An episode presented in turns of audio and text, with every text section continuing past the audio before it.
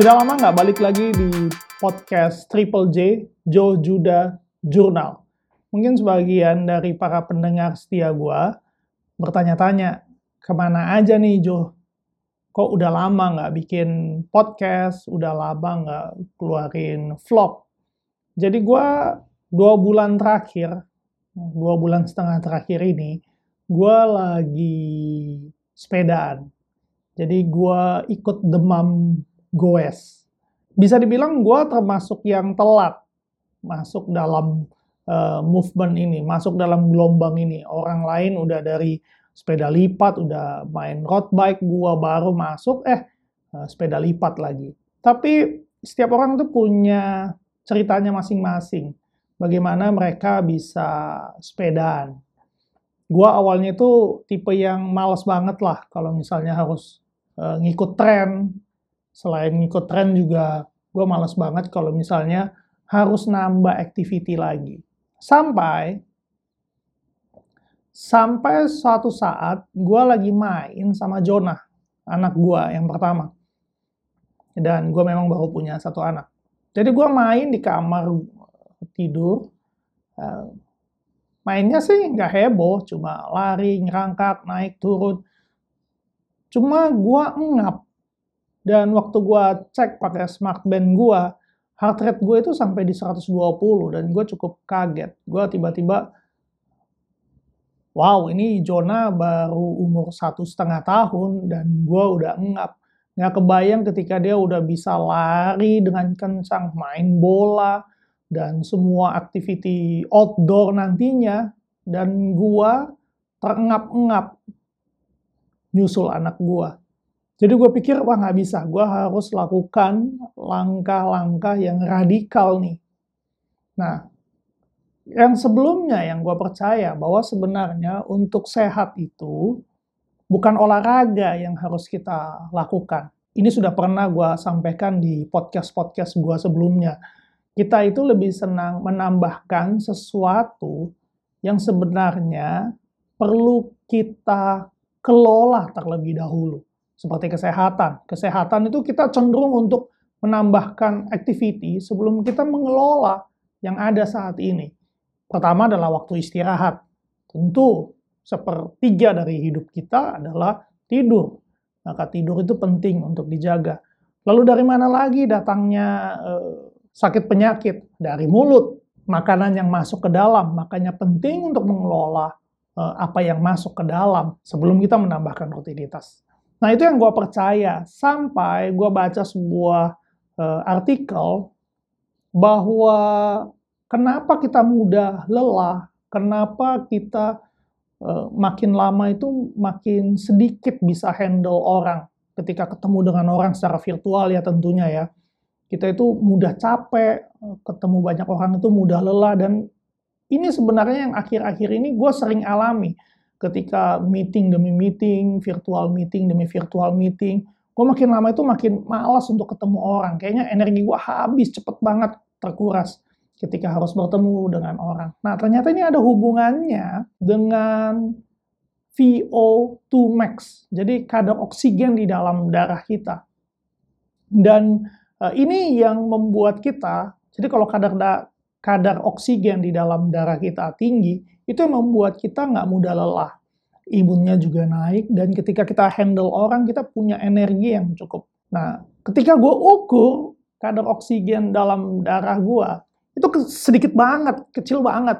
Jadi eh, kadar oksigen dalam darah gua eh, untuk seusia gua harusnya itu minimal di 21.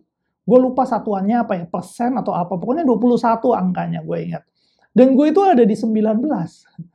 Jadi itu gue sangat kecil banget. Dan di situ gue sadar, oh ini kali ya yang bikin gue itu mudah sekali lelah.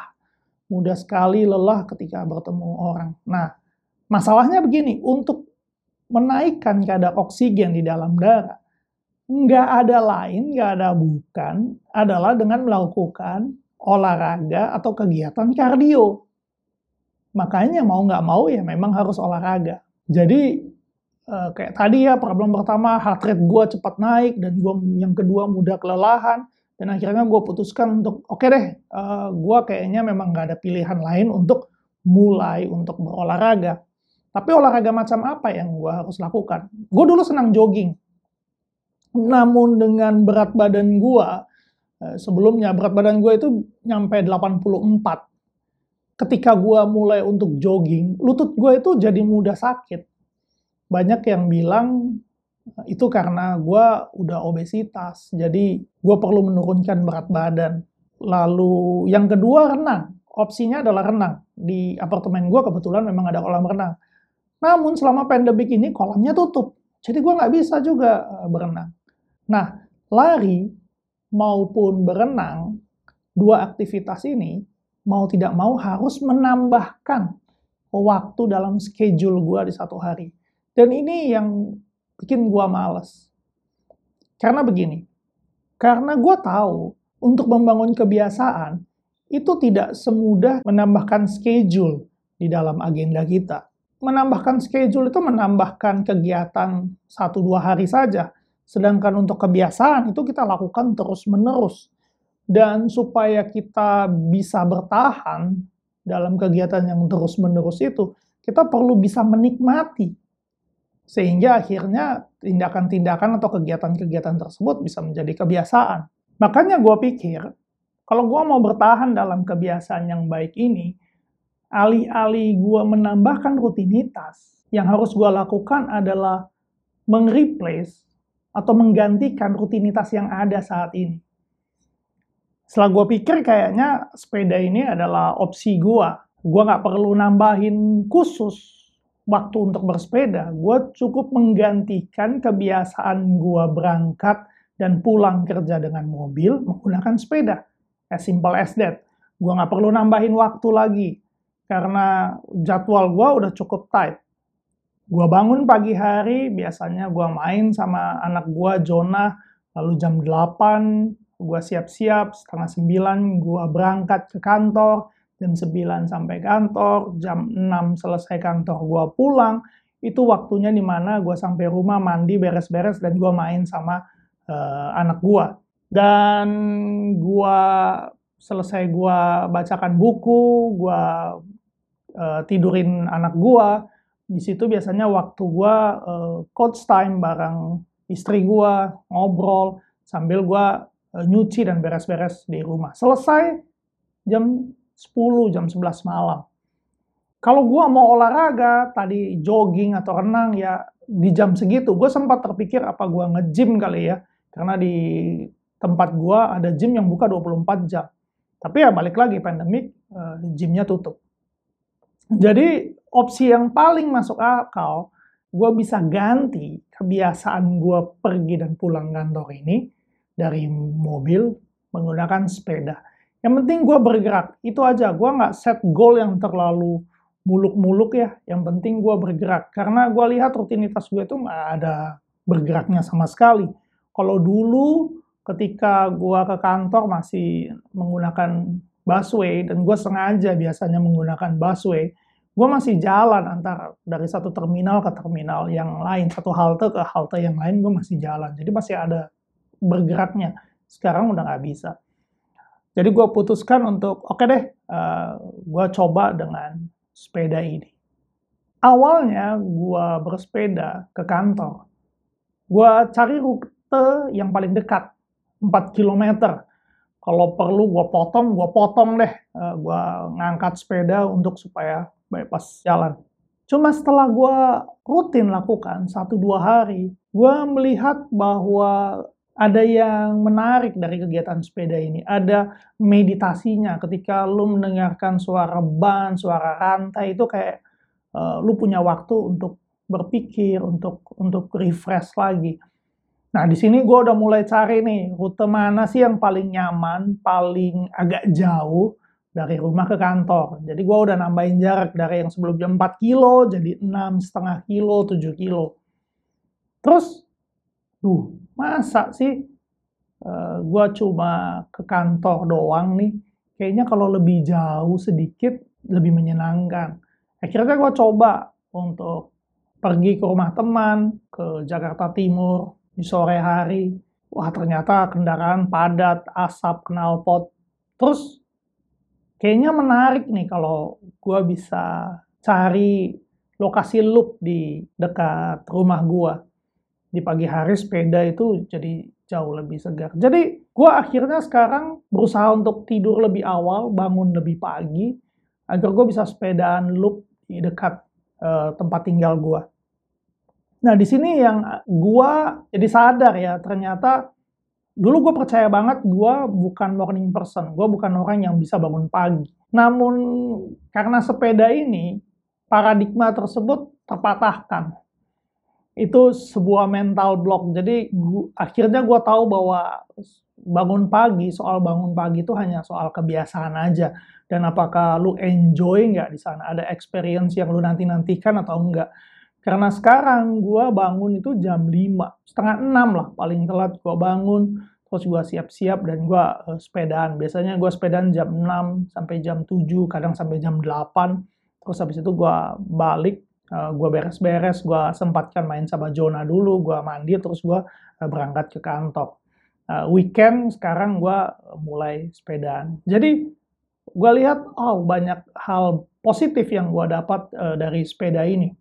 Hasilnya apa sih yang gue dapat dari sepeda ini? Dua bulan gue bersepeda gue berat badan gue turun 10 kilo uh, heart rate gue sekarang jauh banget lah. Kalau dulu main sama anak tuh ya tadi ya gue sudah sebut 120 BPM. Sekarang gue main sama anak nggak berasa banget udah nggak ada engap. Jadi gue pikir ini hal yang menyenangkan. Cuma begini, salah kaprah ya kalau misalnya Anda olahraga untuk mendapatkan badan yang kurus atau berat badan yang ideal. Gue mau bilang enggak sama sekali. Berat badan gue turun itu bukan karena gue olahraga. Olahraga membantu metabolisme gue. Tapi berat badan turun itu karena lu maintain makanan. Kenapa berat badan gue turun? Karena ketika gue naik sepeda, gue pengen bisa sepedaan dengan anak gue, Jonah. Cuma dengan berat gue dan ditambah beratnya Jonah, itu hampir mendekati beban maksimal dari sepeda, yaitu 100 kilo. Jadi mau nggak mau gue harus nurunin berat badan gue. Nah di sini gue mulai nih atur pola makan gue. Uh, gue menghindarin rumus gue itu sederhana lah, GGL, gula, garam, lemak, minyak ya di sini. Jadi gue menghindarin banget lah ini. Uh, tapi apakah gue sama sekali nggak nyentuh? Ya masih ada lah. Gue Sabtu Minggu kalau acara keluarga ya gue masih uh, makan. Tapi gue ngindarin banget hari-hari gue, gue gue berusaha untuk menghindari minyak, tepung, uh, gula, sama sekali gue nggak makan gula. Nah, di sini berat badan gue jadi turun. Kenapa gue ngejar berat badan itu ya? Karena supaya gue bisa sepeda dengan uh, lebih nyaman tentunya. Karena seringan-ringannya sepeda lu, kalau berat badan lu 100 kilo juga ya sama juga gitu loh. Lu bawa beban yang berat. Jadi uh, olahraga ini sebenarnya membantu lu untuk fokus terhadap dua hal yang lu perlu kelola tadi ya. Waktu tidur lu. Sekarang waktu tidur gua, gua benar-benar jaga. Jadi kalau gua tidur, deep sleep gua itu kurang dari satu setengah jam, kurang dari, ya apalagi di bawah satu jam, gua nggak akan berani sepeda. Jadi gue ngejar banget deep sleep. Deep sleep ya, bukan panjang tidur, bukan waktu tidur. Jadi ukur deep sleep uh, lu kayak gimana. Yang kedua, olahraga ini bantu gue ngatur pola makan gitu loh. Sekarang kalau gue mau cheating atau gue mau makan yang nggak benar, gue akan lihat, Jo, gila lu masukin 200 kalori itu sama seperti lu sepedaan 30 eh, menit loh. Bayangin, eh bahkan lebih kali ya, 40 sampai 1 jam loh dengan jarak tempuh 20 kilo. Lu baru bakar 200 kalori. Uh, worth it nggak sih lu lakukan itu? Kemudian kalau berat badan lu nambah atau naik, lu sendiri yang akan kesulitan ketika bersepeda. Lu akhirnya nggak bisa menikmati kualitas hidup yang lebih baik lagi. Jadi ini manfaat yang gue uh, dapat dari sepeda. Dan ketika gue bersepeda, gue tentu punya goal-goal yang gue tetapkan buat diri gue sendiri. Penting untuk punya goal ya dalam semua hal yang lu lakukan agar lu bisa tahu progres lu. Nah, gue bisa lihat progres gue dari kondisi tubuh gue. Terus bagaimana dengan skill bersepeda gue? Jadi sebelum gue beli sepeda, ketika waktu gue mau beli sepeda, gue udah bilang bahwa sebelum tahun ini berakhir, gue mau 100 km. Gue tembus 100 km. Waktu itu gue sama sekali belum sepedaan. Gue sepedaan baru dua bulan yang lalu. But in the end, bulan lalu kalau nggak salah, itu uh, 100 km pertama gue dari sini ke Alam Sutra, lalu PP, balik lagi. Dari sini itu maksudnya di Kelapa Gading ya. 100 km itu sebuah sebuah hal yang yang kayaknya gue uh, capek gitu. Dan itu menggunakan sepeda lipat. Nextnya mungkin gue ke kilometer nol dengan sepeda lipat. Gue rasa kalau dua hal itu bisa gue lakukan dengan uh, sepeda lipat, yang lainnya jadi jadi lebih mudah ya. But I don't know. Kenapa sepeda lipat? Ada yang nanya gitu. Jos, sekarang semua yang pakai sepeda lipat udah pindah ke road bike. Dan memang kalau kalau road bike bukan soal lebih bagus ya, tapi begini, dengan effort yang sama lu keluarkan di sepeda lipat, dengan ketika lu menggunakan road bike, jarak tempuhnya hasil yang didapat jauh lebih besar ketika menggunakan road bike. Tapi gue harus puas dengan sepeda lipat yang gue punya saat ini. Dan gue mau bilang ya, sepeda terbaik adalah sepeda yang lu punya saat ini dan yang lu rawat. Itu sepeda terbaik lu. Jadi lu mau road bike, mau mau Minion, mau MTB, mau sepeda lipat, apa pun itu ya. Kalau itu yang lu punya, itu adalah sepeda terbaik yang lu miliki lu nggak harus kok punya road bike untuk bisa enjoy, untuk bisa menikmati uh, kebaikan dari sepeda. Enggak.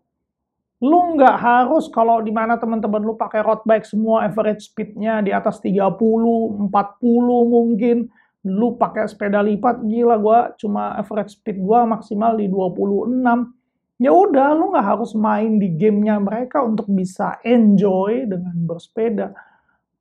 Lu bisa happy kok dengan apa yang uh, lu punya gitu loh dengan yang lu miliki saat ini.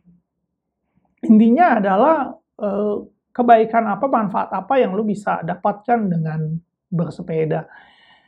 Jadi apa pun alasan lu untuk memulai untuk bersepeda ya gue termasuk uh, baru tapi gue dapat manfaat di sini. Dan gue udah punya goal untuk tahun depan. Gue kayaknya pengen banget bisa touring dengan sepeda ya. Uh, keluar kota yang jauh gitu dengan sepeda. But I don't know dengan kondisi saat ini uh, kita nggak tahu 2021 itu seperti apa. Kurang lebih ini cerita gue selama ini kenapa gue jadi lama baru update podcast gue lama baru gue update uh, vlog gue karena gue lagi seru-serunya uh, bersepeda dan By the way, buat para pendengar podcast gua, kalau kalau lu mulai bersepeda atau lu udah mulai lebih dulu dari gua, lu bisa kok uh, dengerin podcast gua ini sambil bersepeda. Gua rasa itu jadi menyenangkan ya. Gua sendiri salah satu playlist gua ketika gua bersepeda adalah dengan mendengarkan podcast gua dan dan seperti gue bilang ya, podcast gue ini sebenarnya gue buat untuk sebagai reminder buat diri gue sendiri. Gue lebih lebih gunakan ini sebagai catatan-catatan uh, voice note gue lah supaya gue bisa remind, gue bisa ingat, gue bisa berpikir ulang juga. Kadang kayak lu ngetik di bukan diary ya, tapi lu punya notes gitu dan lu baca-baca ulang lagi dan kayak oh lu keinget lagi eh, gagasan-gagasan lu, ide-ide lu. Nah sebenarnya podcast yang gue buat itu untuk konsumsi gue pribadi Cuma kenapa gue taruh di, di di platform yang bisa didengarkan sama-sama, siapa tahu ada manfaatnya juga uh, buat lu. Oke, segini aja. Tetap guys, uh, buat yang bersepeda, taat pada protokol kesehatan, uh, jauhi kerumunan. Gua tipe yang bersepeda itu yang solo uh, riding, gua nggak suka rame-rame ya, kalau apalagi dalam peletonan gitu. Gue hindarin banget. Gue sepeda itu paling banyak grup itu berenam. Gue akan cerita ini nanti pengalaman gue sepeda dalam grup ya pertama kali gue bersepeda. Dan ternyata banyak pelajaran hidupnya juga dengan dari bersepeda ini. Oke, itu aja. Ini kebaikan sepeda yang gue rasakan, manfaat yang gue uh, rasakan dari sepeda. Kalau lu juga uh, goes, lu bisa share ke gue apa sih uh, yang menjadi alasan lu untuk memulai sepeda, khususnya yang baru-baru ya. Oke, segini aja dulu podcast singkat dari gue. See you guys.